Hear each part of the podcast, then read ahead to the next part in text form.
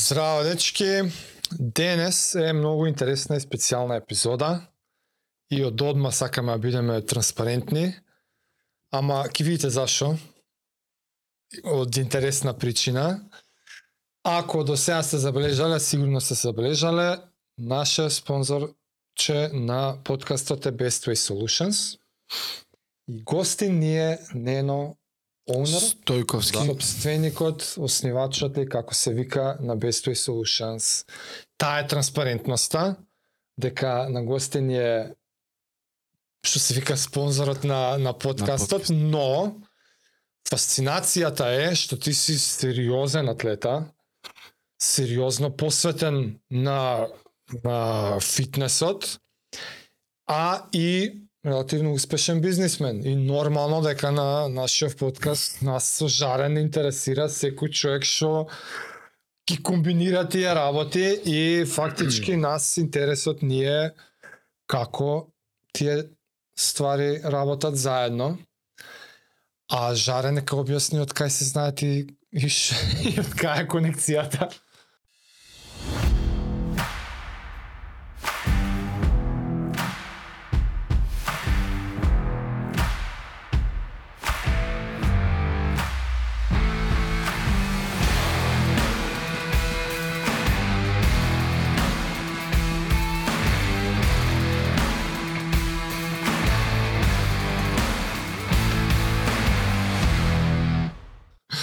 Прво захвалност една, фала ти Нено, што не е еден од него, првиот и у моментов единствениот спонзор што не подржава.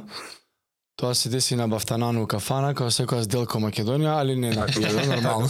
Една совиш. Но, многу натрезно беше, у седум, Прва фаза беше. прва фаза, Тоа да. значи дека е добар договор. Добар договор. Што ме у кафана направи. Ја му тој најавив, поент. планираме вака и вака, дали Среќа би, не е у сала на крај на некој воркаут или кај што нема кај да бега. Или во некои ситни часови. Не, не, не. 7 на плот на 19 час. И рече која ќе бидне. Ја му покажав први две епизоди што снимивме, слики од студио со Жарко Димовски имавме и јас и ти зашто вежбаме. Да, да, да. Имав некој урнек да покажам. Супер бе, готово, кој ќе тргне Одма, возот. одма убаво се залепи. Да. браво. А ние се знаеме преку нашиот амиго Бојо, Андреа Бојчев Бојо, поздрав. А, Голем поздрав. го донесо на вежбање уствари.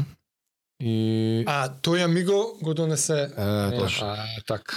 Он е виновникот зашто доаѓам кај Жаре на Да. кросфит. И беше прво, ај, абе имаме Андројана два пати неделно, вика, ај, как може ли да плати, викам, бе, брат, нема таква, опција. ајде, викам, другар ти, ќе излеземе пред Требаше седна. нов ценовник да спрема. Да, Да. Не се кај. и дојде Нено и гледам спремно бате.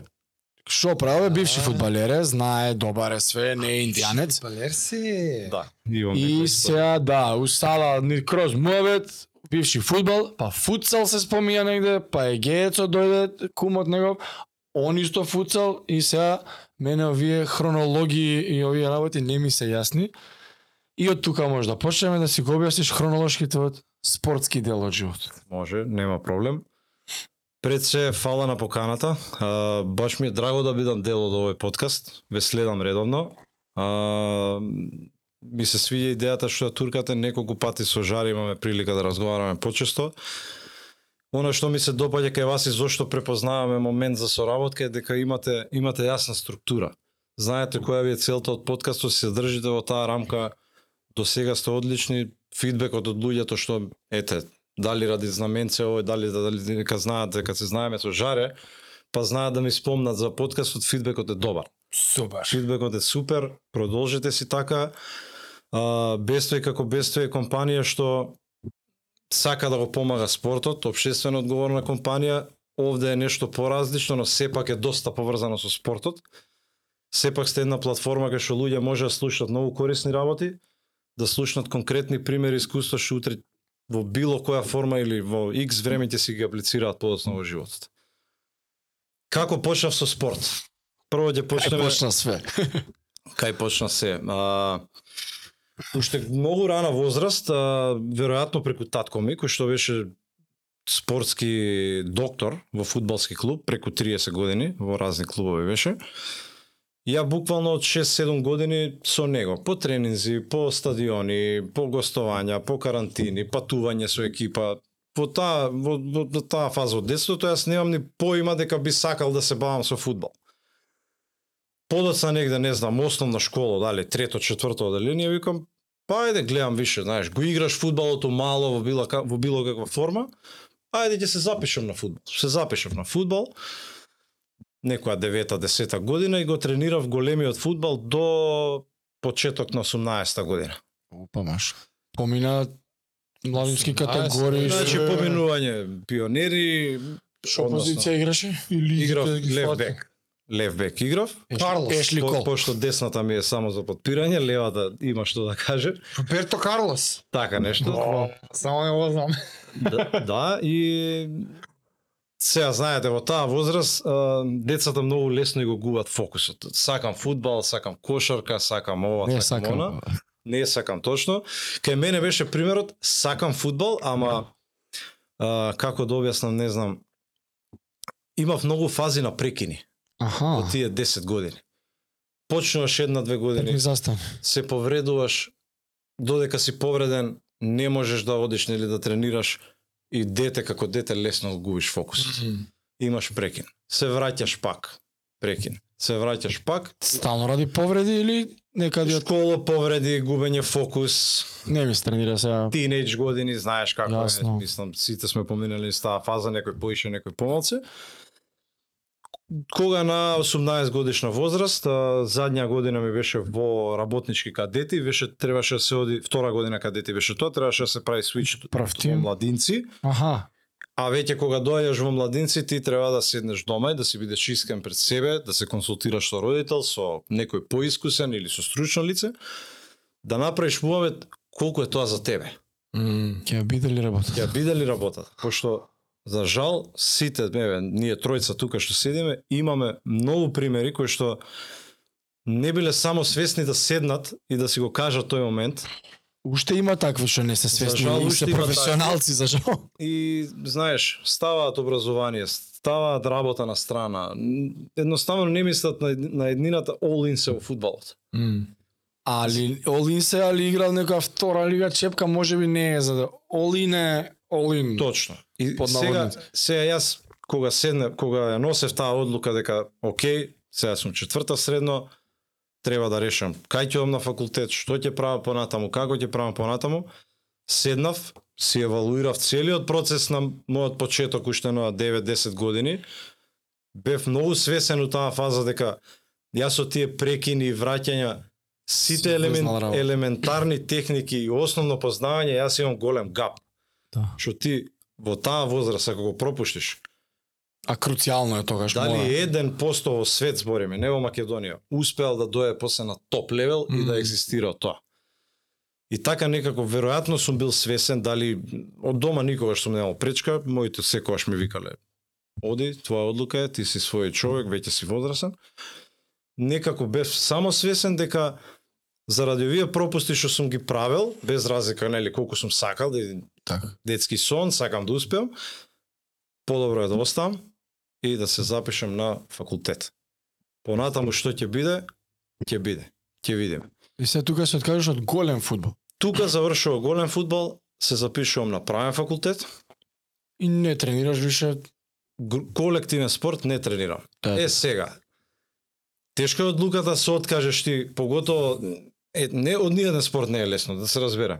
Ами некој идентитет која ти е во животот, Више плюс ти на идентитет. таа возраст, Ти си навикнат секој ден додиш да тренираш со група, кој не е не фудбалерот. си стекнал Разбираш? Да. Да. другари, си стекнал другари, си стекнал навики, ти фали тој момент, викенд имам утакмица, Да, да, автобуси гостување. автобуси, зезање, дружење, се тоа ти фали, али окей, бе спремен да го тргнам тоа, дека може би не е тоа за мене во оваа фаза од животот, додека да дојде овој дел со футсал, што сега ќе го, објас... ќе го објасниме, ја како најсходно за мене си го најав трчањето Мм. сакам да останам физички активен, цел живот сум у тренинг. Не можев да се помирам дека заради тоа што јас сега нема да бидам дел од некој фудбалски тим, јас треба да да престанам со Ништо да спорт, не преш. да не правам ништо. Да. Во тоа време интернет многу многу немаше, нели, немаше колку денеска да отвориме што да правам, програма сам да тренирам, да видам дете кросфит не ни имало, тоа е 2005 Тоа у Америка почнувало. Да. Замисли колку. Значи било, нели, не работиш уште, можеби не можеш да си дозволиш да одиш во некој фитнес клуб, што ќе правам? Океј, ќе си купам тркалце дома, ќе си купам рачки за склекови и ќе И ќе ќе трчам ќе одам на водно. Чисто да бидам активен. Така Па, да Добро и тоа е свесно у тоа време. тоа, тоа ми беше н- нешто како да н- знаеш како како да кажам како, како да сум предосетил дека можеби ќе дое некој друг спорт, а ова одржување у некоја форма ќе ми даде лесен switch Ќе ти даде да шансата да си спремен да. да влезам, зашто нели ако се запуштиш, Толку е. отидеш по отидеш. друг пат. Ого. Многу пати сте го збореле тоа во, во X епизоди. Знаеме кај води тоа и континуитетот мора да го има. А, се Така влагаш у кросите. У фуцал. Чекај па 2005-та, чекај. да, имам да. уште. Уште 15 години има дока. Не дека вика ќе ми се најде за некој друг спорт. Несвесно. Значи, Да, да, да. паралелно нели го играме оној фудбал по термини, играш турнири со другари, тој мал фудбал што да се разбереме со футсал нема допирна точка, освен што димензиите на игралиштето. Која пробал се топката знае. која пробал топката знае. Си играш и се одржаваш. Се запишувам ја направам факултет, прва година, прв семестар, е, рандом во бифе, слушам е, на огласна табла на студентски вика има објавено повик за формирање на футсал екипа при, при правен факултет. Ја. А ти за факултетот играш почнуваш? Да. И ја викам, добро, станувам од бифе, одам, гледам. Пријава. Јосип Броз, 7 саат, среда, тренер Зоран Лекич, кој што од тој момент е тренер на шампионот во футсал во Македонија Железарец. Мгм. Они го ангажираат дополнително тука од правен факултет, значи многу добар потек Топ. за, за развој на, на, на спортот у Македонија. Ова, ако слуша некој, би било многу добра стратегија како да се интегрираат тие помлади. Преку студентите, да бе. Уште полесно може и преку средношколците, Да. Стварно. зашто бе. уште помлади се. А зошто да не и Да да не им речеме од, даеш пат. од 6 до 8? Не, Да бе да. кај што се ни ваму ни таму може би уште се бави. Па тока се тоа некаков си. Да. Тоа е за некои други да да го решат. Али еве им пример. Пишува таму, а, Јосип Брос 7 саат, а, отворен повик ќе се прави селекција за футсал екипа правен факултет. Океј. Одиме среда. И што е селекцијава, што е пробала? Па Лекич ги чека. Не, не, не, добро, добро. Доаѓаме у сала Лекич мора селекција да направи. Колку души? 30-40 луѓе. Уј. За правен факултет. Правен факултет. Значи се машко што играло фудбал по термини, по ваму, по та... Јако е. Играл се А откажал. колку играчи има футсал екипа? Футсал екипа во официјален записник има 14 играчи. Добро. Значи 14 си бара Лекич. На терен играат четворица и еден голман. Е се. Доаѓаме толку луѓе во сала. И нели, нема тука тренинг нешто што работиме денес, работиме тактика шут, него он буквално како на деца од петлиња, и по... ти и ти еве ја топката играте на два гола. и процена ја. И се дешава недела дена тоа, он еден кафеав тефтер имаше, ин, ин, ин, ин, и така со Диме уствари играме ние футсал за факултет. Со Диме Диме Атанасовски. Диме Атанасов. А, ха, ха. А и он игра за факултет. А, па кажаме, да Диме, бе, сто. Диме беше голман направен, да. Голман беше онда. Да, он играше, мислам, тој период а, и трета лига кај него во Волкова, ако Кој ма Не се лажам. крцна Лекич ма. точно, да, е па тој период. И тука и он од таму гледа више нема ништо Колку е и сега? си го наоѓа сетапот да речеме. Се прави селекција, окей, се наоѓаме на таа селекција, така почнува футсал приказната како ја влегувам во тој спорт. Две години се игра за правен факултет, Играш само за факултет. Клубови му да ништо нема. нема ништо. Се игра за- за факултет. А, се учествува во универзитетска лига, се учествува на правнијади, универзијади, доста патувања, одлично дружење, одличен момент. И ја како почнува тоа, знаеш, од почеток си викаш, ај, може нема да трае, ова, она, после година и пол, си седам и си размислувам, викам, па може би мене овој сетап ми требаше во животот. Се едуцирам, ќе завршам школа, ќе завршам факултет, ќе имам некој скил, а од друга страна, тоа немање континуитет во детството и нели дали не несозреаност или не не знам како да го дефинирам. Ќе можам сега да си го остварам во било каква форма, зашто не ми е целта да направам пари од ова, не ми е целта да да успеам вау. Сакам за Љубов, бе, љубов. сакам за своја душа да си го играм, да бидам дел од тим. Тоа Она- ќе кажав. Она да. што ми фалело од периодот кога се откажав, сега преку факултетот си го најдов баш тој сетап што Да. што нема да ме остави на страна и да се откажам од се друго, зама за да успеам во фудбал. Си спортувам, си учам, ствараш пријатели, го правиш тоа што го сакаш. Вин-вин сценарио. Не може бољ. Да. Како доаѓа да да да почнам да се бавам со футсал? Е тоа, правиш ли во клуб? Играш ли некаква лига? Па Да. Преслав студиеве валјда. Значи универзитетска лига на страна, тоа си оди, Тоа нема чепкање, да. си оди, ние Независно. две, или- две и пол или три години игравме за правен факултет, до дипломски, после на мастер прекина. А, еден тренинг за факултет, доаѓа тренеров, а, вика, дечки, знаете, јас сум тренер у КМФ Железарец, шампионат на Македонија. Си рекрутира човекот. Ни треба тројца, четворица помлади играчи. Сакате ли некој да пробате малце на посериозен левел, вика таму не е како тука, одма си знаете, и во универзитетска лига. Пошто универзитетска лига само по себе, еве сега денеска со Бесто играме и во бизнес лига, таа е Да. многу послаба и од бизнес лига. Послава. Послаба. Значи две, три екипи бевме што се боревме и тоа е тоа. Другите А. беше Така. баш она да се дружат студентите Деца од мало. деца од мало, некој кој сака да спортува, има желба, окей. Ние бевме едини факултет што имавме тренер. Охо. Едини сите други се беа така, знаеш, не знам, некој професор или или некој асистент кој што го става Откажан факултет- фудбалер. Да, го става факултетот, еве ти си одговорен за спорт, да речем. Напра екипа футсал, напра екипа баскет. Правен факултет но- Правен го плаќал. на платен список. Имаше тренер, Вау. имаше тренер футсал, имаше тренер кошарка, имаше тренер Што Зошто? Што? Правници? Чија иницијатива се знае ли да? Дај да му даеме кредит. Ако не се лажам, Тоа мис- е користа мислам дека за правен факултет. љубов кон спорт веројатно. Не не барање Некој што бил на позиција, што имал љубов кон спорт и Да. ја така верувам. Леле, може би- Јако е. А, ајде да го спакуваме на, на едноставен и најбезболен начин како да направам некоја екипа и чисто сатисфакција. Не мислам, нема пари во тоа. Даде, Па, нема пари. ама Браво, фанатик некој, зашо да не? Да, и И идеш кај Па лекичца. и да ги тера да не се откажуваат многу од факултетот. имаше бенефити. бе, добра е, да, имаше и бе, бра. бенефити. Топ. Си Значи, вика, дај како да истрпат правен ова. Ки се убиваат луѓе, сите се фрлат од тераса од ова испити. од овој point of view дефинитивно. Дефинитивно. Па добра, Ја јас со да другарите Некој седнал, чекаме, 200 души се запишуваат, 10 завршуваат, дај нешто направиме. барем 20 го заврши. Индијанци, да. бе. Макар и онака го завршиле, не е битно. Со шески за да игра футсал. Не, си. Да. Имаше некој предошлов? имаше бенефити. Сега и добро што што ја нашавме тема, имаше и бенефити. Пример, јас бев ослободен од два семестри, не ги платив. Зошто дека играв за прави? Браво. И мене од тоа време беше не знам како некој да ми Тоа, дал да. X amount of money. Истите пари, како Да, да, ти ги дал. значи, јас бев не знам. Ал, да. Колку што кошта Ја- семестар? Памтам се вратив дома им кажав не треба да платиме рата. Значи они ја не, не, не, Лудил. можам да опишам кој е среќен. Да, Кој бе. знае што се десило.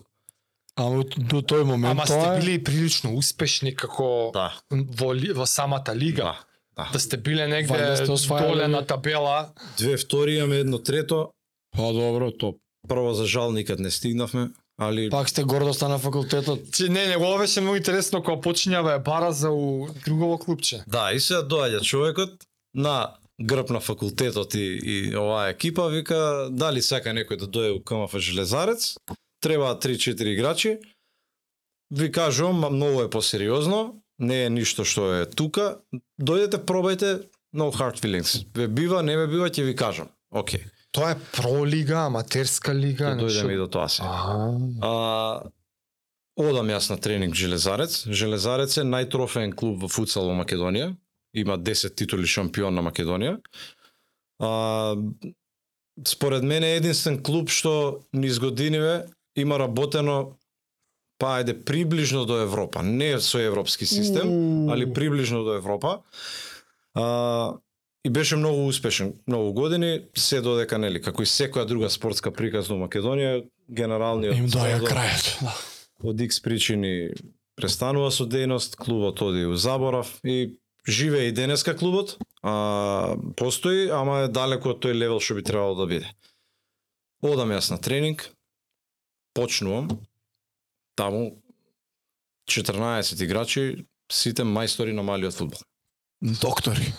доктори. Значи ти го гледаш некој со стомаче, некој преслап, некој она, он доаѓаш у терен, ти не можеш топката да Ти ја крие. ти ја крие меѓу нозе, ти ја бута и проаѓаш низ процесот на А као помлади постари, као, као пензионирани фудбалери што се вика, као од кај обично Пре- доаѓаат? пред 20 и нешто години, Чиме со стомаче тој. пред 20 и нешто години, а, непишано правило било дека ако пропаднеш у големиот фудбал или пред да се пензионираш одиш играш футсал. Така. Ама со менувањето на системот на, на тренинг во футсал и подосна кога донесува и стручњак од Србија Иван Божовиќ да биде и селектор и тренер на Железарец, кој што имплементира нов систем, нов начин на тренинг, со суплементи, со 5-6 пати. Кој што треба да биде. како што треба да биде. Станува Више Осем тие на откажани десет, да. фудбалери и овие што ги спомнавме со стомаче, полека полека почна да се Се филтрира, да. Се Не- прави не филтер можеш. на... така, така. стана квалитет. посериозно, стана посериозно. Почнав ево Железарец, а, пак ќе кажам, прво прашав кога се тренинзи, ми кажа 7.30-8 на вечер се И секој ден се тренира. три пати неделно во таа фаза, додека да дое Србинот, после он го смени тоа, Е. кажа со три пати неделно клуб. Не бива, Аматеризам детски лиги. за жал. А, почнувам, тренинзите се навечер, трениравме во сала Кале, мислам. Да. И ти влезе во екипата? И ја влегов во екипа. Влегов, првата година немаш никаква улога, ништо не. На клупа седиш. Играш, вода, они беа предоминантни, секој противник 10-0, 15-1. Леле, леле, мочај. И Ја, ја искрено во тие години, јас сум се радувал да влезам во игра. Да, Ја, да, да, се- играв 4 минути, топ, супер. Мене, мене ми беше чест со тие играчи јас да играм футсал, пошто ги знаев кои се. Така. И гледав што прават.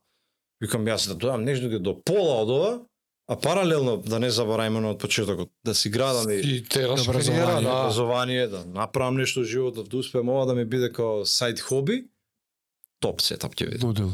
И така ја останав во Железарец, така се тргна приказната, 3-4 години, 3 години бев таму. После дојде Србино стручњакот.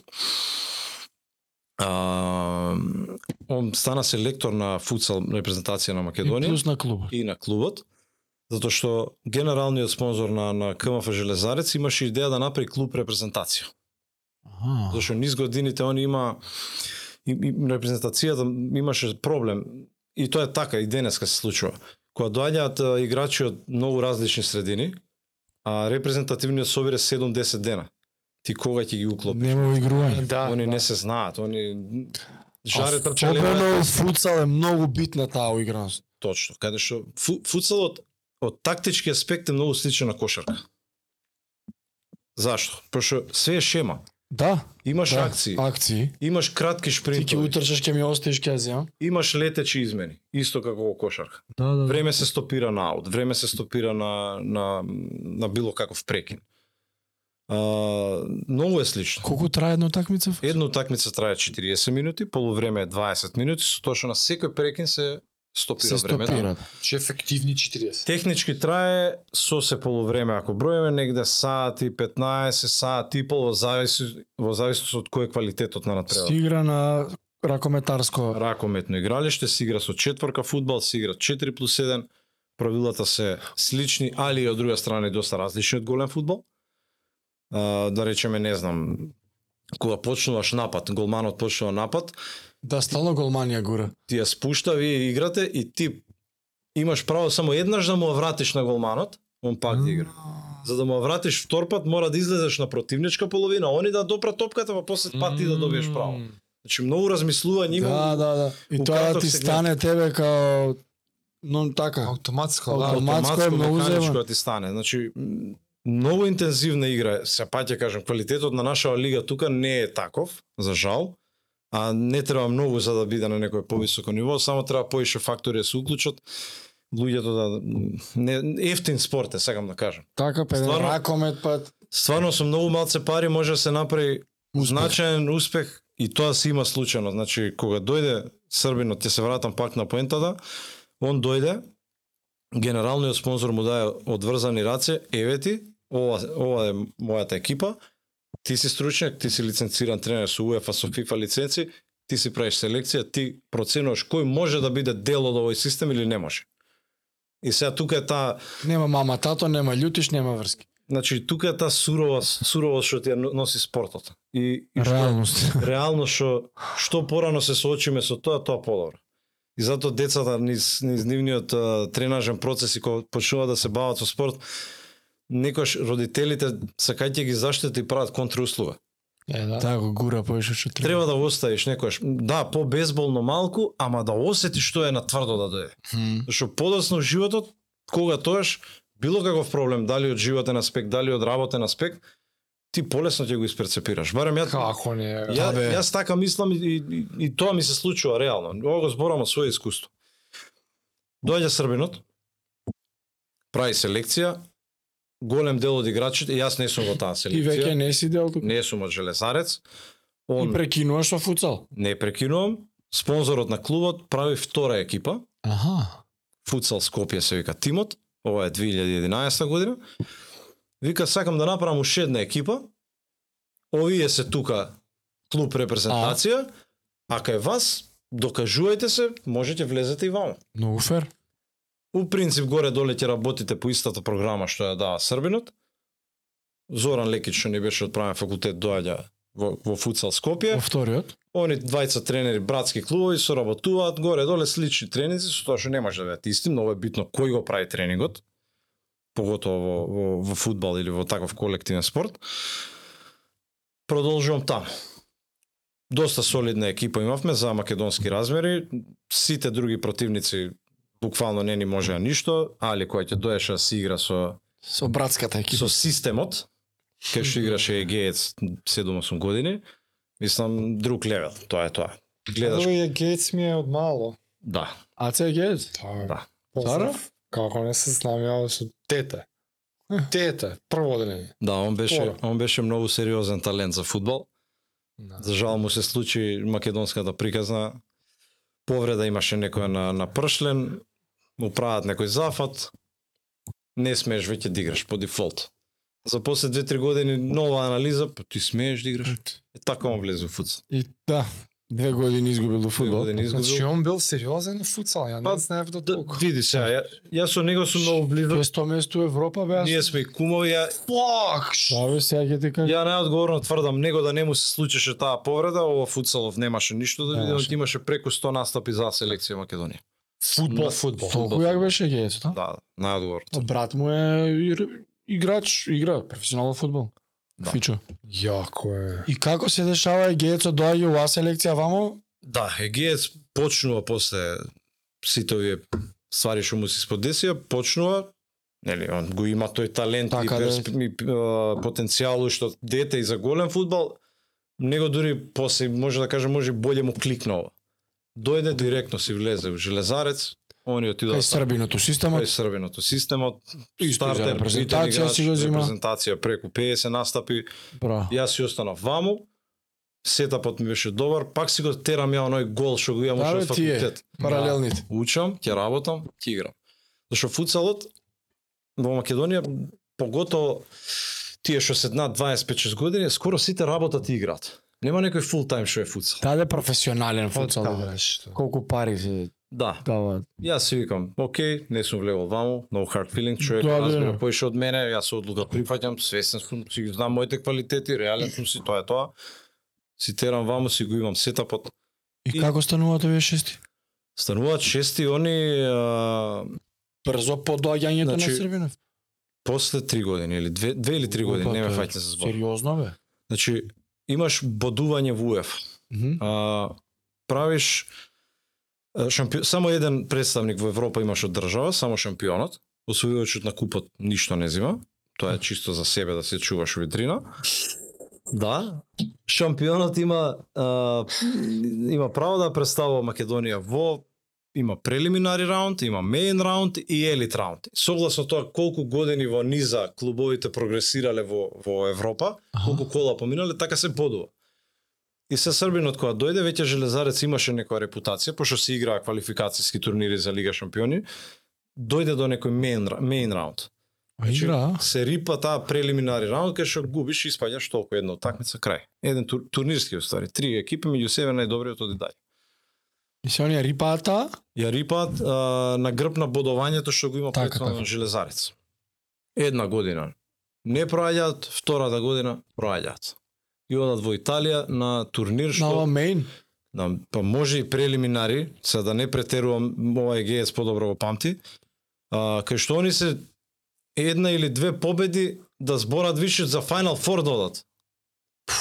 Значи, У, да ти- после две години работа со тие играчи, он више доаѓа до некој левел. А тоа е сериозен успех. И он ја смени цела динамика на Иван Божовиќ, ја смени цела динамика на футсалот и кој што кажав преска некои некои играчи што така понесериозно малку се бавеа си ги изфрлит системот. Тие што сакавме Така да тренираме, Јасно. пошто ја остана во клуб каде што се тренира три пати неделно, јас сум многу свесен дека со три пати не можеш да играш Да. било каков спорт. Хоби. Јако хоби. Паралелно си тренирав сам цело време. Трчање, водно, Клековите и тркалците. Лекови, тркалце. Водно ше сипал са бајле секоја сабота, било фиксно 4-5 години 6. Со Дробаров, со Егеец, со Брако на зборевте, да. Егеец. Нема лутка, значи Секоја сабота. секоја сабота правило имаше, си искочил, не си искочил, до која си седел сабота 6 Ето го сте заглавили директ. Значи- директ. Одиш дома, Нема. спиеш саат два, се Не, качуваш, врне, не, прашуваш. се враќаме дома, правиш што сакаш. Договор. И, значи, 52 саботи, 6 сабајле фикс. никој, никој не те тера, значи, мене од клуб не ме викале Да, тренира да. плюс. Сте си го направиле вие Ми го таргет. останала таа навика. Ете, сплет на околности си имам прилика да се дружам и уште се дружам со про фудбалери што и они се утренажен процес, окей. Ти заедно. одговара тебе и него, да. Тоа се се одржаваше цело време, значи пак е таа дисциплина од спортот што после Да. можеш и во реалниот живот. Нели, ја, ја секогаш Да се викам дека имплементира. полесно е полесно е ние што си имаме бавено со било каков спорт, имаме некоја подобра, м, барем ја така мислам, подобра работна етика. Знам што е рок. Знам кога мора, знам дека кога е тешко е сега ќе гурнам по, посилно. Значи, И многу битна работа. Ако си дел од тимски спорт, дефинитивно. знаеш да си тимски играч, што е играч. многу важно понатака Важноста на структурите, на на хиерархиите, хиерархијата, кој бра. што, кај, како. Многу се слични. тие- Поштовање, Многу се Слич- слични тие ствари. Е, фудбалски клуб, сега збориме за фудбал тука. Остварува успех. А, имаат стратег кој што знае да ги определи, кој што прави, која му е одговорноста, кој за што е, да нема љубомора, менаџира карактери. менаџира карактери, да, да, да ги направи сретни тие што не играат, значи да Така. склопи една целина која што ако сите заедно работат и гураат една една иста цел, ќе успеат. Еден или двајца да почнат да одат на страна, нема успех. На крај кој ќе го освојат трофеот, не се качува само тој хетрик што дал или тој што ватил Така е. пенал. Сите одат на педестал, сите одат Така. исто и во бизнис. Ќе зборам за себе. А, Best Way Solutions кога за да функционира и да го до- да го живее овој раст што го живее денеска, не може ако само Нено работи или ако само Марко работи или било Да, бе, кој. Нормално. Значи, тој однос со луѓе, а, менаджирање карактери, а, справување со непријатни ситуации кои може би не ти одговара тоа моментот како да најдеш решение. Све тоа кој ќе го аплицираш овде, кој ќе зборат за фирмата, и абе вие се добри, растат, ги гледам. Никој не вика и абе Нено е добар расте, него вика компанијата расте. Така да многу се слични тие два примери. Кој не бе, како. Па таа е птене таман прилика сега паралела да повлечеме и со за сите овие години додека го развиваш футсалот, спортот, станува очигледно каква важност во животот ти, ти сочинува да си активен и таа структура некоја спортска паралелно се образуваш, бизниси, чуда и кога и како почнува приказната со бестој. Приказната со бестве почнува многу несериозно и ентузијастички и воопште не не, не имав перцепција искрено дека ќе се случи. А, на мој пријател, пријател од Шведска, кој што почнал некоја бизнис идеја, доаѓаше во Македонија тука од време на време. И му спомнува, вика, бе, ми требаат некои помлади дечки, што зборат англиски, сакам да да им дадам почнувам некоја идеја да видам дали ќе се развијат, да ми бидат ка- customer support агенти. А, а, Добро, окей. Јас се запознам со швеѓанецот, си имаме комуникација, сме у контакт. 2016 јас го канам кај мене на свадба. И доаѓа швеѓанец на македонска свадба, може да замислите што е тоа, културолошки шок. А, ми имаш кажам. Човекот, човекот на твоја на свадба. моја свадба, ние се одржуваме контакт меѓу време, доаѓа. Прашањето го прокажи сам. Нели, чекаме, реце, сликаме сите, се е окей. Седнувам и јас поминувам низ масија да направам здравица, доаѓам до него. Вика, нено, мора да те прашам нешто. Викам, кажи.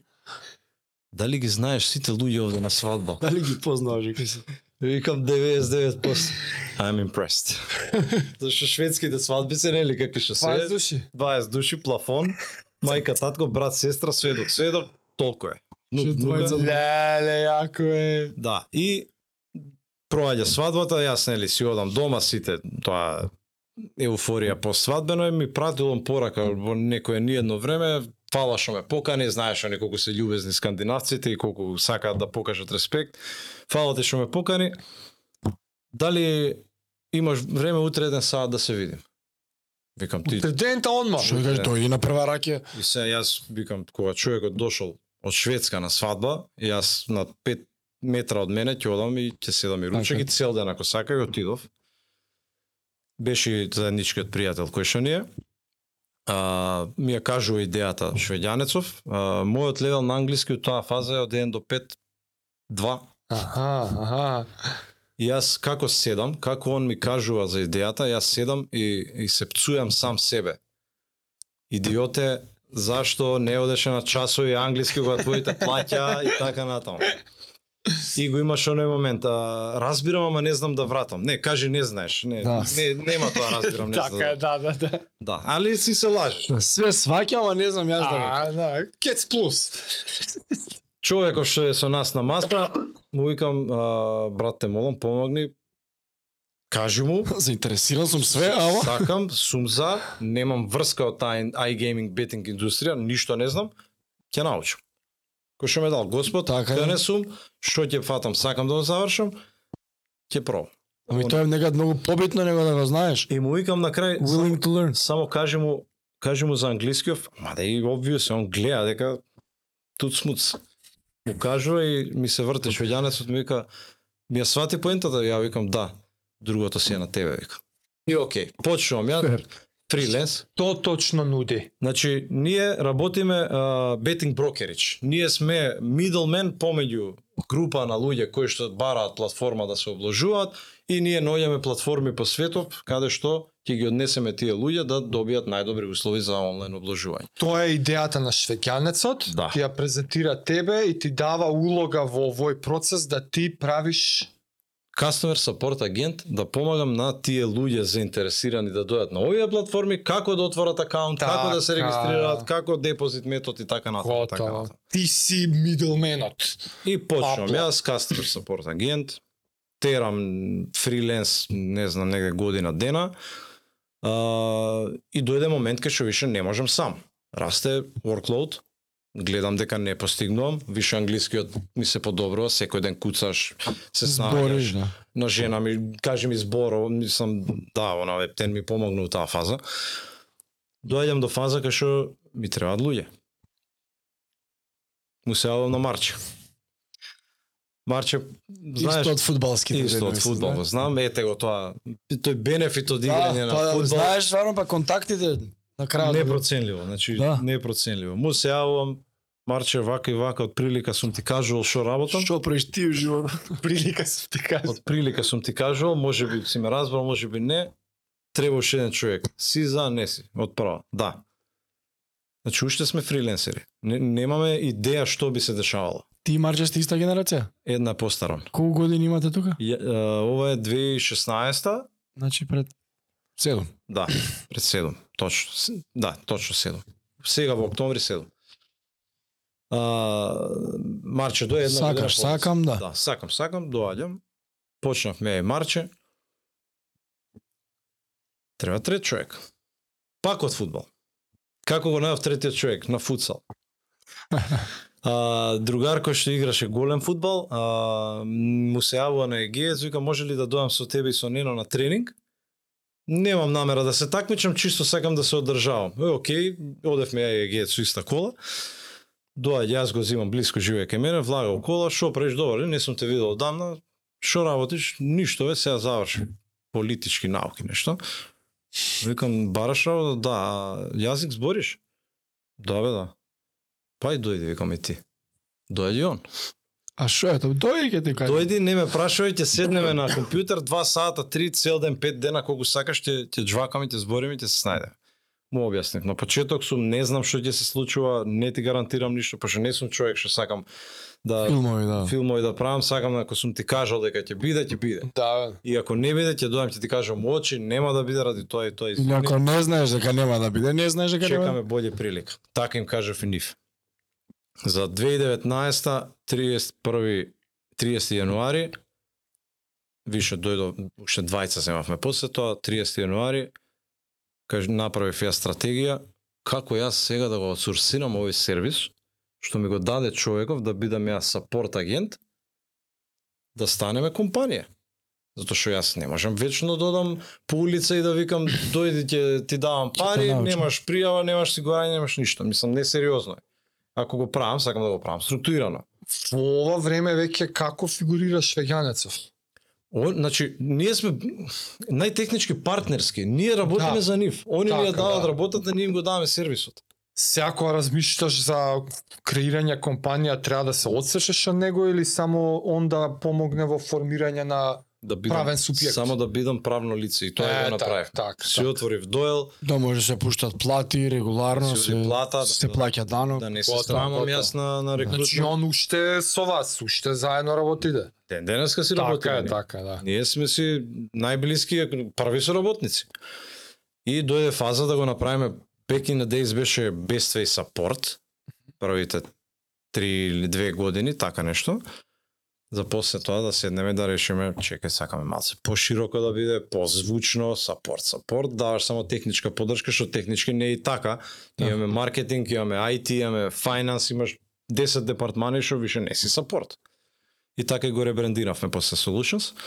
Го направивме без сапорт back in the days денес Solutions. А, и од, ето, од еден, двајца, тројца фудбалери што пробуваат да работат, денеска, фала Богу, сме 34 луѓе. У, бра. Чекај да го повториме ово. Од еден двајца фудбалери, денес сте 34 луѓе. Да, Што не се компанија фудбалер? Што спонзорира други сфери. Така е. И искрено, И тоа у краток период сериозен скок е. Да. Ја Значи- мислев дека многу порано е почнато, искрено. не. Чекај само, извини, ќе те прекинам. Дека многу ми се свиѓаше како барајки луѓе со кои што сорабату- соработуваш, тоа не е наивна работа. Прво, ај ти што си олин, и тој за себе ќе си работи, ама ти кога привлекуваш некој друг така, ти за себе воведуваш ризик да не го заебе и твоето. Така е. С- целата предходна прича со спорт, со фудбал, со етика, со работна етика, тоа мислам дека ни е јасно више на сите. Ти препознаваш одредена вештина и карактеристика кај човекот и тука е довербата, нема нема што да екс- зашто да експериментираш да ризикуваш со други. Истото сигурно ти се провлекува и со сите наредни 30 вработувања што не ти се сега сите фудбалери Апсолутно. ама колку и да си професионален, да пробаш да следиш некои бизниси, HR, да речеме кадровски, по така научно, некој да проба да ти е, профайл да ти направи на лик, колку тебе пак негде позади ти стои таа проценка на база на тие Цело време. тие тие по суштинските вредности, онака кој идеја е да ти дое сега нов, ти па нема да го прашаш дали игра фудбал, ама Апсолутно го не. бараш ли тој фактор го сакаш ли да го уловиш која ја градиш во, по- екипата. во почетокот да, ама со тек на време сватив дека не може тоа да ми е стартинг поинт, може за мене лично да да ми одговори некој прашање ако имам дилема за одреден карактер, ако не го знам, нели, ако не доаѓа Така, по некоја така. препорака, доста ми помага сето тоа што го имам проживеано таму да препознавам овде се. Значи имаме доста луѓе што доаѓаат што не се ни од спорт.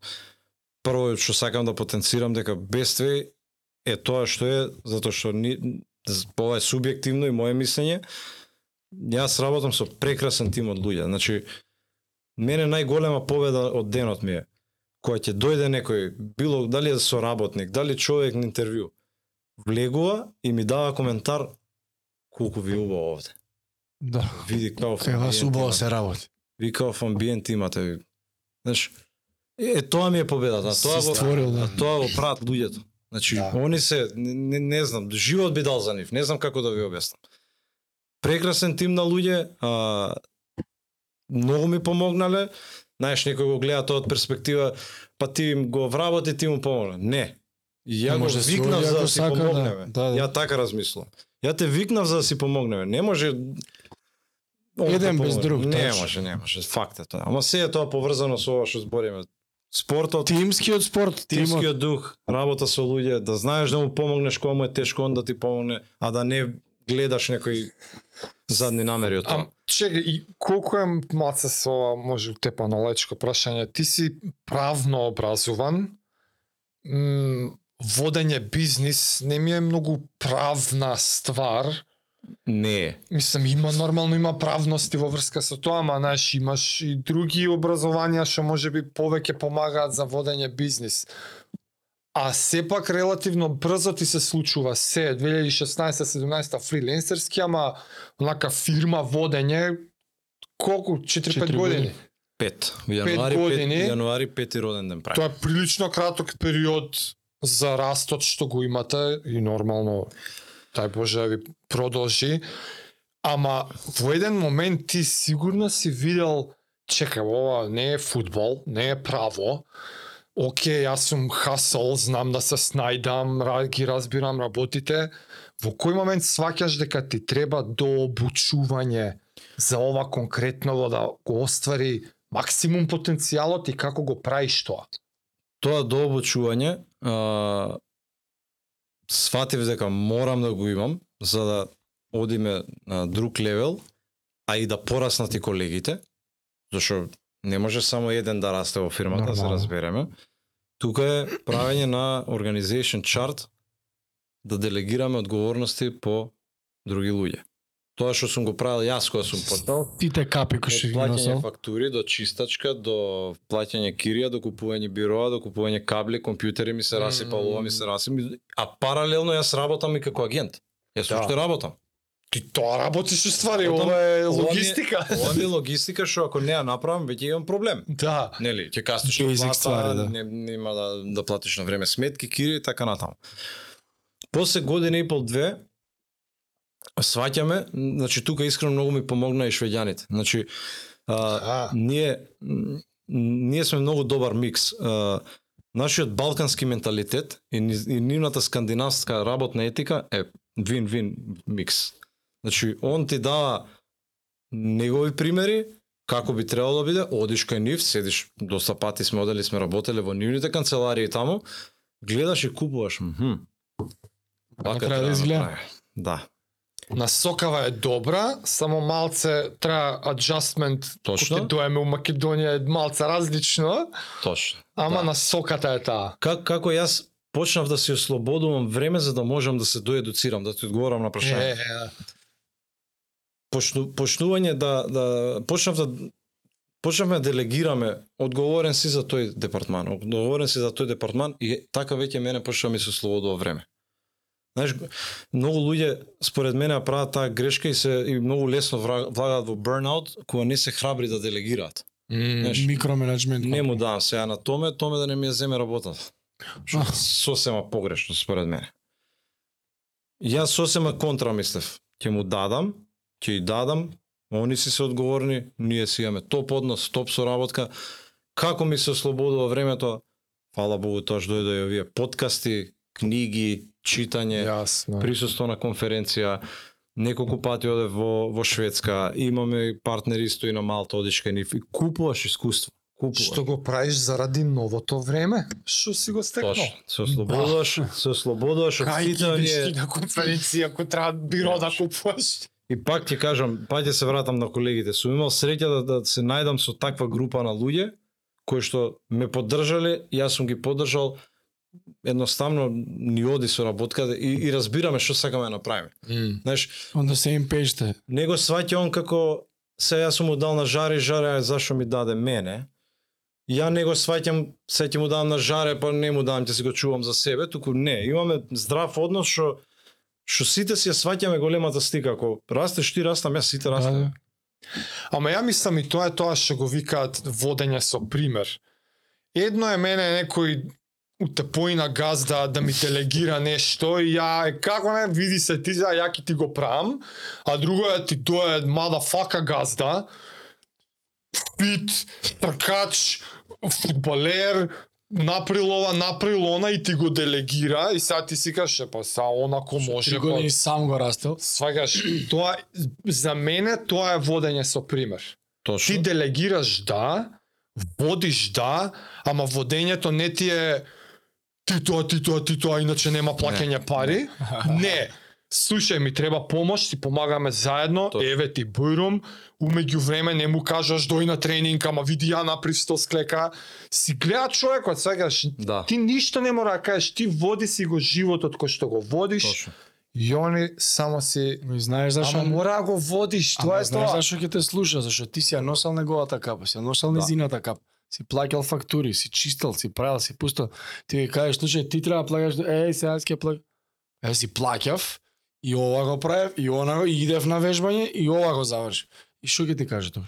Да, и тоа е да Кога водиш со пример. Така да. Тоа мора точно. да го живееш, а не само не бе, а те сваќам ја. Не сваќај бе, Е, прај го. Значи, па, па ќе се вратам на спортот. А, и многу е битно и како ги третираш луѓето. е, е. И сега, ќе се вратиме назад во, Односот. во детството, нели, тренерите, што не учеле? Ќе кажеш добар ден, ќе се поздравиш со сите, Плина. а, додека некој збори ќе слушаш, и така натаму, и така натаму. Ја нема ден во канцеларија да влезам да не направам здраво со секој што е на биро. И без исклучок. Значи, лош ден, добар ден, било каков да е, влегувам здраво, како си, добра си, добар си. Секој е заинтересиран во различна сфера, пробувам низ тоа слободно време, сега што го имам да седам, да слушам, не знам, жаре сакал кросфит. Ајде најдам нешто да се збориме со жаре за кросфит, знаеш? Да, бе, да. да го да, Нивните интереси да ги гаеш и ти да Точно да, да, го, Заеднички ос- да тим. го осетам дека припаѓа тука, дека сум си замарал ја 5 минути да слушам дека тоа ме сака да вози точак. Да, сега може ли предизвик да ти дам? Ајде. Јас сум бил у фирми што биле у слична фаза. Сум бил у фирми што биле илјадници вработени. Таму CEO-то не го знае жаре дали вежба кросфит.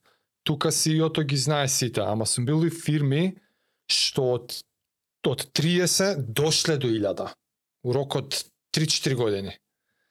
Предизвикот е, прво дали размислуваш на тоа, сега не знам дали до илјадници ќе дојдете, ама сигурно размислуваш некои планови за наредните години, во каква насока би се развивале, до колку би се развивале и што кога, ако некогаш, се развието до тој степен да ти стварно реално не можеш до толку да си таков и како тогаш се воспоставуваат тие културни вредности за да остане истата енергија, истото чувство, ама ти реално со секој лично нема да се знаеш. Не, не е возможно. Размислуваш ли за тоа? Размислувам и м, затоа еден од, од првите критериуми за некој да стане дел од нашата фирма, гледаме од прилика карактерот дали му е фит. Пошто од прилика ние Кој што би, би требало да е? Да, значи треба да е сличен на нашиот, не, не на мојот, на нашиот на компанијата, кај што нема завис, нема љубомора. Се, нормално се случуваат 30 луѓе, 30 проблеми, тоа е така. Има и XY, нали? Гледаме да е поблиску до, до, до нашата култура. За скил, скил се учи. Да. Све си е на тебе. Ако, ако ти, е willing, ако ти сакаш, имаш желба, ако имаш цел некоја поставено, X период, окей, ќе дојдам тука да речеме, две години ќе работам, тоа ќе го научиш се. Али ова друго, што го кажав на почеток, потешко се учи. Факт е дека за X време, дај Боже да дојде тоа до тоа, нема да биде, нема да бидам ја во можност да го правам тоа, апсолутно. Ама па се подпирам на оние луѓе што се тука со мене од прв ден, кои што таква им е главата, тој им е менталитетот и така ќе оди тоа надоле тоа, тоа скалило. И ги И они имаш исто- уште тие, тука се. од прв ден. Кор, кор екипата. Да. Е, тоа е. Марче што го спомна до Тоа е, тоа е вредното. Значи, тие што се дојдени први 5-6 луѓе, еден замина си отвори собствен бизнис, што е сосема легитимно, другите се ден денеска тука од прв ден. Тоа многу кажува. И- да. Тоа тоа ми дава да верувам дека дека имаме здрава основа, зашто немаме голема флуктуација на на вработени. М. Се случува да да си заминат од XY причини, ама нема нешто драстично да сме у проблем. Луѓето што доаѓаат се тука. И секогаш се подпирам ја дека тој мајндсет што сум го почнал јас, многу ми помогнале швеѓаните да го научам тоа дека не треба боси да бидеш со луѓето, него М. треба да, да, да, да научиш како комуницира жаре. Дека треба му кажеш на фин начин. Дека Томе може би сака да се скарате. Зна- Знаеш, Да, да. Тоа е јасно, да. да, да се адаптираш и, и, и така да се да, да, да комуницираш со луѓето. Нивната етика и нашиот менталитет и искуство од спортот, сите тие и неправди, и, нели, таму се комуницира на начин и ваков и онаков, да, на друг јазик се не ми помогнале да ја да си стекнам такви навики, таква култура и фала Богу сум имал среќа да имам и такви колеги кои што го го, го туркаат истото. М. Така да. Ме види кога и овие што си заминале од XY причини, знаеш па со какви не сакаш да работиш. Апсолутно. е- Според мене некогаш што е многу побитно. Да знаеш што не сакаш. Да. Да знаеш што кој не сакаш да работиш. Многу време за штеду. И добра лекција е. Да бе. Добра У лекција. моментот е тапа, ќе би га реално, ама Види, секое разделување е тапа, ама после тоа е песма лета за след. не само за тебе, и за него може да така подобро. бе да. И Супер. тој и таа може не знае, додека не ние- сака да работи Се така. додека сме ние пријатели на улица, имаме респект, Така кој си. кај ќе оди, што ќе оди. Немам такви проблеми јас. Индустријава во која што работите, рече брокерство во iGaming, Да. кога збориме веќе за раст, кои, кои, сега не знам колку ќе ти се навлака технички да ми објаснуваш Ептен за индустријата, ама чисто бизнисменски, во кои насоки би можел да се случува растот, у смисла на партнерства со слични компании, па некако ја ширите дејноста, или едноставно зголемувате клиентела, па мора да растете во број. Свегаш на што Да. те прашам, имате дејност што може да се разгранува или сте премногу специфични и само се поголем процент од маркетот да фаќате? Значи, а, пред се прва и основна фаза е подобрување на продуктот, усовршување на продуктот би рекол. Добро. за да може да излеземе на уште некои пазари кои што денеска поради немање на тој левел на Так. квалитет не сме во можност да одиме. Значи ќе зголемувате присуство на самиот пазар. Точно, затоа што специфична индустрија, е, многу специфични барања има и има сериозна и конкуренција, да не се лажеме. Мораш да имаш 100 продукт за да излезам ја да правам сериозна продажба. Ако продавам нешто што левото, десното Е, така. копче не оди, Не, бе. џабе си дал ти X amount of Има money. слични у Македонија? Не, нема ни на Балкан. Конкуренцијата не ви е тука. Нема ни на Балкан. Нема. Они работат со надвор. Да, н- Со страст. Да. Каква интересна нишка, бе. Како се погодиш веганец има, тоа? има негде, има Све бива. има во Малта, мислам, ваква агенција, може да има во А, па таму е iGaming, Да, Гибралтар. мо- може на Малта, Кипар тие. да има. Да. UK 100%, пошто UK е корот да, на да. индустријата. Немам слушнато на друго место. Ваму во овој дел од Европа не сум слушнато. Мм. Па таму е и таа индустрија, мислам. Да. Тоа iGaming е. Малта, UK. Мислам и најголемите светски ивенти од таа индустрија, Ice London, Sigma се Малта и, и Лондон. А кога, у кој степен на, на не е ни растоа амерички пазар постои воопшто? Постои, ама невозможно. Тоа да не е ни работи. next level, тоа кој знаеш Таму тоа, има а, како е? 500.000 Да, и- драфт мислам, По мене, Амери- да, не- Си- што сигурно е, што е како се вика, извини, она клучната пречка што би требало да ја прерипате. лиценци. Лице, е тоа сакам да кажам. Невозможно е да добиеш лиценци. Значи други Да. протоколи, процедури важат таму, Да. така? Друг свет буквално. Не, Друг не се. ни размишляш на тоа Не, нешто или Не, не, не, не, не имаме не е право. невозможно. До денешна перспектива не ја не гледам ни дека ќе биде. Прво лиценците се нешто ненормално за не само за нас, за европски стандард би рекол. Скапи се. Да, и, и тешко се добива. Е, Значи, тоа. Други стандарди пратат они. Да, и не знам, и- еве, јас не сум бил во Америка, може сте биле. Мислам дека и таму е различно е регулирано тоа бетинг, нели? Да, нема, јас сум бил, нема. ставено е у Вегас, ваму, не знам Мгм. дали има во Нема, таму. Имало 20 и нешто земји. Пред некој ден слушав Да, погрешно. ново е комплицирано. Да, нема регула- кладење, нема. Во 23 земји се има Ете. онлайн бетинг. Али пак е тоа да од амерички 23 компании. states. Да бе, оние Draft Kings и компанија, нели, оние Drake што ги... Јас уште немам Steak. видено европска компанија да влезе да работи. Може и има, не сум видел. А Али- Азија, таму, таму многу се клава. Те работи, Азија се работи, да. Има. Доста клиенти има. М, Претежно Европа, али да, има. Значи тоа ви е можен пазар некогаш. Азија? Да. Да, да, имам и клиенти од таму, мислам. А, ве, е, по- да, да, да, да, има, има. Од Азија има. Значи вас оствари би се ви ви се ширело присуството процентуално на пазарот. Точно. Јас Подобрување јадам на мала продукт. земја. Мала мала А, површина. Аха. Да. Подобрување на продукт и зголемување на на број на клиенти. Така, така би бил растот. Али здрави боши. Здравје. да. Чекор по чекор. Сега можам ли јас со со спонзорството да се продолжам? Ајде. Шо? Бевте на И да бе, да, како не клучен дел е ова. на МЗТ една или две, не знам колку беше, не ме фаќа се збор. Ти ќе кажеш него. Годинава сте со Вардар. Ш- Како се станува спонзор на македонски спортски клуб? И зашто? И зашто? И зошто? Па зашто зашто? и Легитимно предпоставувам зашто, али еве, ти ќе ми кажеш не. Значи, вака. А, да, бевме една година спонзори на на МЗТ Скопје лани.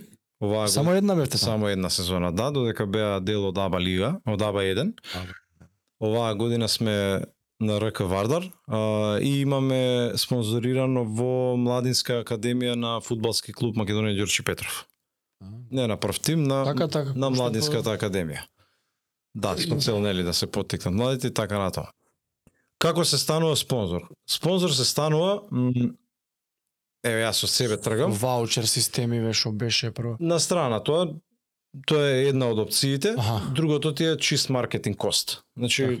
многу луѓе гледам имаат перцепција даваш тоа, немаш данок. Дојди објасни ми го тоа, ако е така, одма ќе одам по таа опција. Апсолутно. Тоа ти е чист кост како да си ставил банер на некоја зграда, Така бе, да. си го плаќаш фактура. Колку си си решил да трошиш за маркет? Апсолутно. Тоа е пакетот што можеш да го одбереш. Ваучер систем и да одвоиш буџет. А, за да тргнеш да спонзорираш у спорт, пред се, ја мислам дека мора си човек од спортот. Не дали си играл.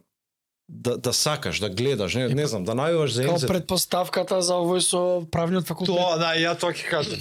Исто. Мора да е некој таков Ти тип на можеш да човек. спонзорираш и трети фирми некои глупи, за- мислам глупи. Ќе ќе спонзорирам работилница за нешто. Да, можеш трез, да. Вебинар. не Што знам. има баш у спорт да идеш да спонзорираш? Да, за, зошто зошто сум се Али решил Скапа Не играчка. си не. продавница за спортска опрема. точно. Да, и, и Пашка не спонзорирате клубови И не го- второлигаши. не го продавам продуктот тука. и Тоа по баш. плюс. Тоа па плюс. А, јас сум јас сум човек од спортот, ете сум се бавил со со спорт. А, зошто се Навел решивме за МЗТ. со- зошто се решивме за МЗТ, јас сум со дете од дете порасна со МЗТ. Тромец? Дромец, да. Тромет. Не дромец, аеродромец. Зашто се две различни категории. Ти- Да. ти- Стварно? да. Па јас сум дромец, не знаев дека има дромец и аеродромец. Полошо така. јас сум ти.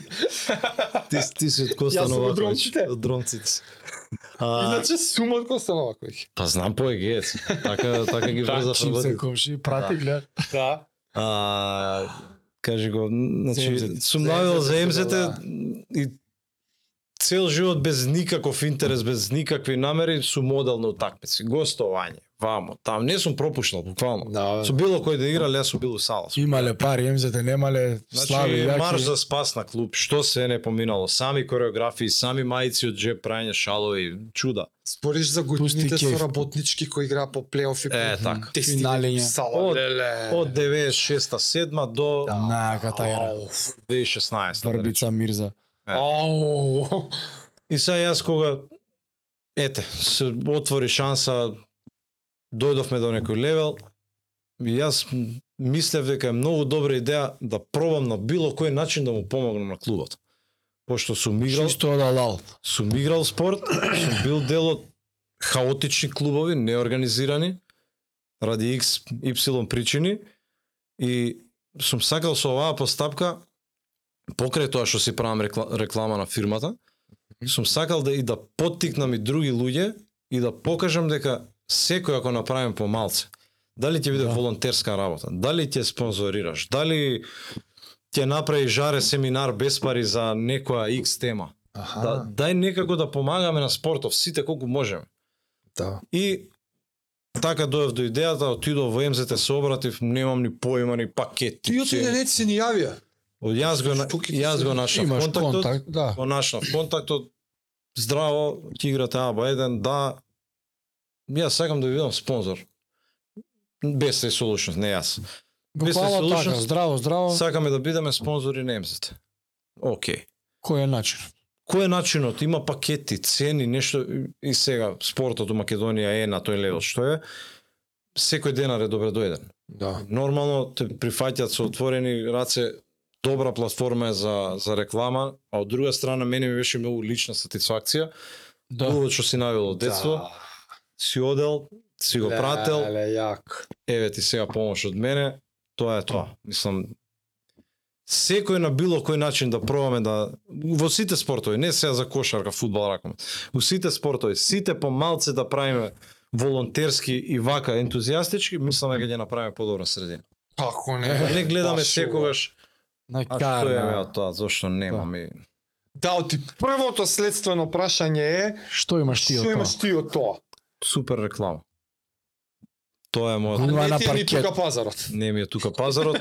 Ами А, кефот кој е? Фирмата твоја, навијач на МЗД, на паркет, без твој солучен стои, аба еден, доаѓа црвена звезда и Да. го тапка некој таму Да. баскет. Тоа тоа да го видиш е Стварно. заради тоа го правам. така. е. Сами си Не треба поиш. Твитера да спонзорира некад. А? Ој. Логото е многу захтевно, ќе треба на центар да биде Да, збари да, да. Ама на фудбалски терен, направено со 3D, со све да. Леле, замисли, знаеш дека И ќе се детектологија. деси сега што го рековме некад ќе се деси. Зашто? Да. Зашто? Обично така бива. Па што Верувам. го рековме некад, значи Џоковиќ ќе дое на подкаст. И ќе- Светски и ќе шампион имавме. спонзорираме нешто некад. Здраве, дај Боже. Тоа е. Сега сте на РК Вардар. Сега сме на Рака Вардар. А, Сега имаш друг кеф таму. сега имам друг кев, да. А, Столе Стоилов ми е многу добар другар од средно и ден денеска интензивно се дружиме. Лани за до, лани му беше последна сезона, оваа година заврши, стана тренер. А, ја и он ете, тоа што викаш, некогаш нешто ќе збориш, некогаш ќе се деси. Ја и он ни шала ни смеа 2-3 години збориме. Нас не ни бидете спонзори. Викам, Важи. Изминативе години? Изминатија 3. Да. Нас не бидете, мора не бидете. Он он го викал ова, викам за тебе и за Вардар ко, секогаш. Значи Рука дао. у војна војна одиме, нема проблем.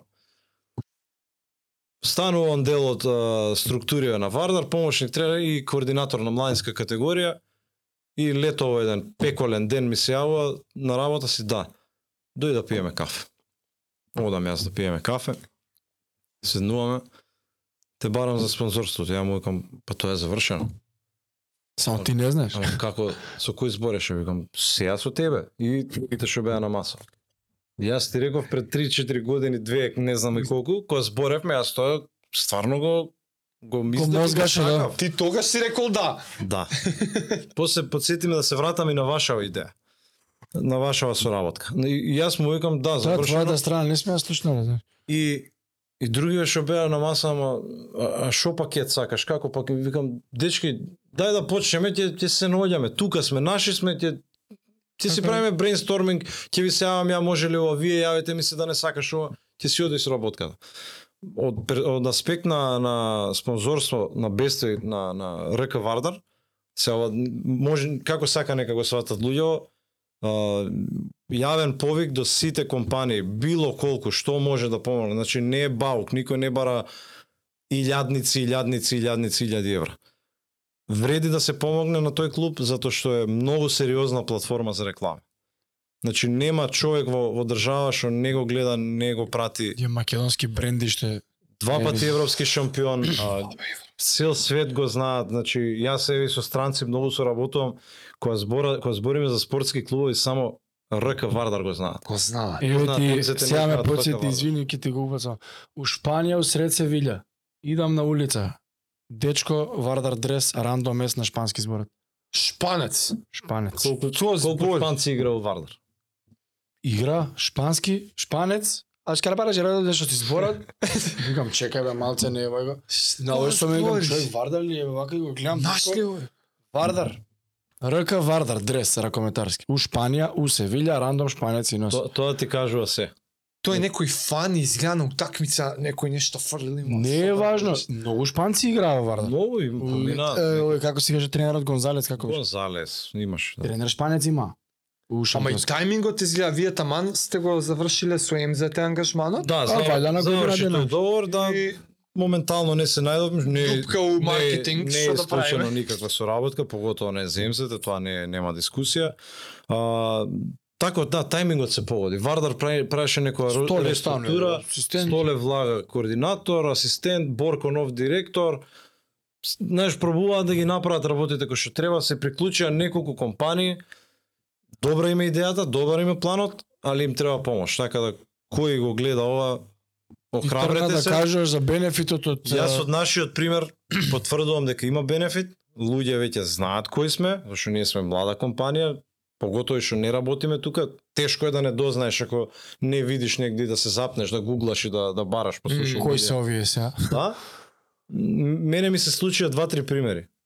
Одам во аптека, купувам нешто, а, седам, чекам ред и некој чиче 55-6 години ме буцка вака. Момче, може да те прашам нешто повели? Вие ли го спонзорирате Варнар? Викам, да, Best Way Solutions, нашата компанија. А лал да ви е, бе, вика, бе, како вака не размислуваат сите да помогнат? Ова не е могуќе Јас човек си одам, за- да јас си те одам, препознае да Јас сум спонзорство. најсреќен човек. у светот. И знаеш да Ти си дека прав исплатеше потек. цело спонзорство. Исплатено е све. За мене е исплатено, ако ме прашаш. Да. Тоа е тоа. А што е ш- за Е, па подкастот? не знам, е, нека ни Да, кажа. Не, ба- рече да го подсетиме, да. Да, на, колку лесно се договоривме ние двајца. Да, бе. Мислам, Ние само го те прашав, вака и вака планираме.